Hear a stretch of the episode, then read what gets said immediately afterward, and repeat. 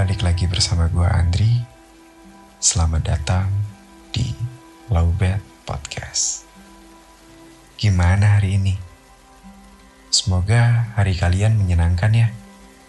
Tapi buat kalian yang lagi lowbet, sini duduk dulu. Ambil posisi ternyaman kalian. Yang ngerokok, dinyalain rokoknya. Yang ngopi, dinikmati kopinya. Kita recharge dulu mental dan pikiran untuk perang lagi lawan realita besok.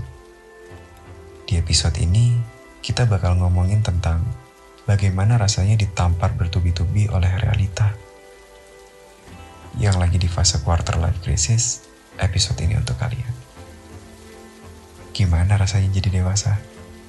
Enak gak? Banyak manisnya atau pahitnya? Sayangnya, dewasa nggak seindah ekspektasi kita waktu masih bocah dulu ya? Lucu nggak sih? Kalau diinget-inget, dulu waktu bocah kita selalu berangan-angan untuk cepat dewasa kan? Supaya kita bisa bebas melakukan apa yang kita mau. Tapi ternyata seakan semesta menyadarkan kita that life's not always about rainbow and butterfly. Hidup tuh bukan cuma tentang manis-manisnya doang gue adalah salah satu manusia yang hobi berekspektasi tinggi. Karena mungkin gue dari dulu emang terbiasa untuk apa-apa harus bisa sendiri. Gue tuh sampai dendam parah sama hidup ini.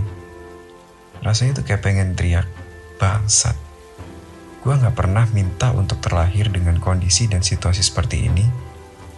Tapi gue tetap harus bertanggung jawab dan berjuang menyelesaikan alur kehidupan ini. Dari situ, Akhirnya keluarlah sumpah serapa dari lubuk hati gue yang paling dalam.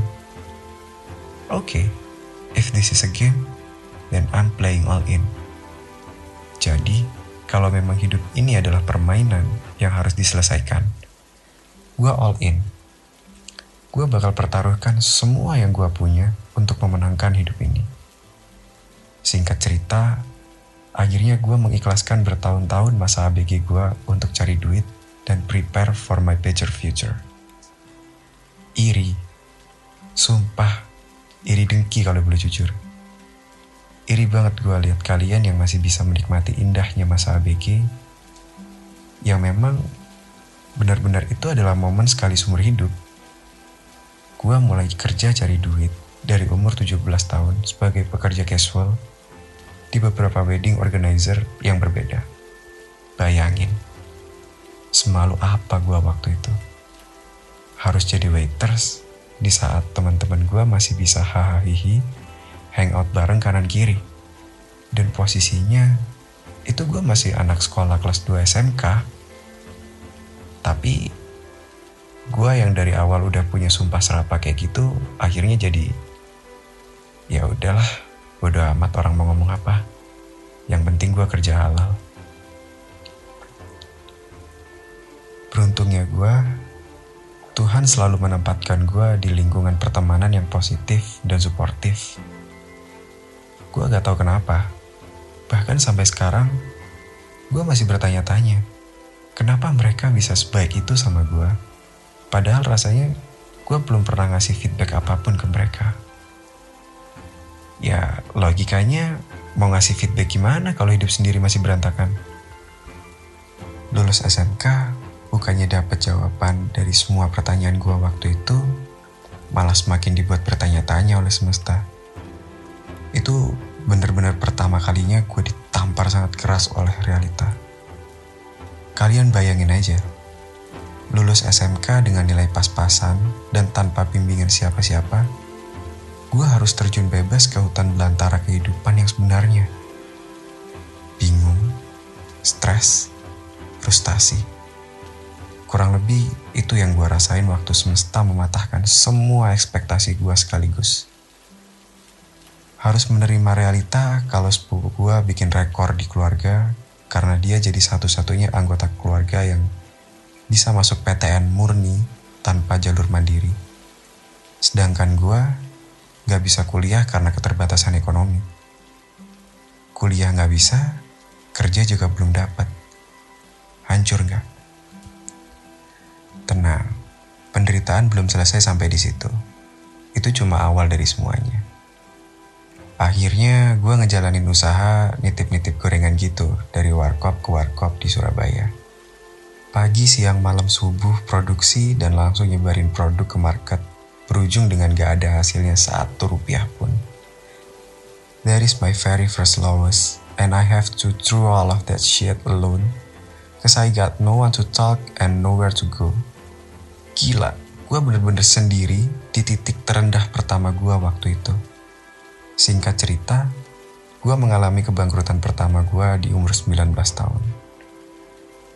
Lepas dari situ, mungkin semesta merasa iba lihat gue yang udah pontang banting-banting tulang, ngorbanin semua yang gue punya, tapi masih nihil. Tiba-tiba datang keajaiban di mana akhirnya gue kerja sebagai sales mobil di salah satu brand ternama di Asia. Yang di mana itu adalah untuk pertama kalinya gue berhasil meraih puncak karir dan mencetak kurang lebih 20 juta pertama gue. Tapi sayangnya, karena gue kaget setelah menanti sekian purnama untuk bisa berada di posisi itu, akhirnya gue gelap mata. Terjadilah itu yang namanya foya-foya, sampai habis ludes tak tersisa. Yang ada malah bangkrut lagi sampai ke titik di mana rekening gue minus kurang lebih 30 juta karena terjerat pinjol waktu itu. Dan itu adalah kedua kalinya gue ditampar sekaligus disadarkan oleh semesta. Dari situ, akhirnya gue menyerah. Gue mengaku kalah dari kehidupan ini. Tapi ternyata itu malah jadi jawaban dari semua pertanyaan gue selama ini menyerah, mengaku kalah, tidak selalu berarti kalau kalian benar-benar kalah. Itu hanya kemenangan yang tertunda. Percayalah, something happen for a reason. Semua yang terjadi pasti memiliki alasan tersendiri. Kadang kita cukup harus berhenti melawan dan berjuang hanya untuk tersadar akan sesuatu yang selama ini kita perjuangkan atau pertanyakan. Walau memang tak segampang ucapan, tapi cobalah untuk berdamai dengan keadaan. Karena nyatanya setelah gue mengaplikasikan semua yang gue bilang tadi, sekarang semesta serasa agak bersahabat dengan gue. Menjadi karyawan di salah satu perusahaan BUMN pada umur 21, dan akhirnya bisa kuliah dengan uang gue sendiri adalah hadiah terindah dari semua perjuangan gue waktu itu. Kalau gue bisa, kenapa kalian enggak? So, mungkin untuk episode ini cukup sekian dulu ya. Sebenarnya masih banyak banget yang mau gue obrolin. Tapi gak apa-apa, kita simpen dulu buat next episode. By the way, jangan lupa untuk kirim cerita atau bahkan keluh kesah kalian yang pengen banget kalian lampiaskan, tapi kalian gak tahu harus ngelampiasin ke mana. Gue tunggu cerita dan keluh kesah kalian di sosmed gue yang ada di deskripsi ya. Jangan lupa untuk follow dan nyalain lonceng notifikasi Lowbat Podcast supaya kalian gak ketinggalan episode berikutnya guys.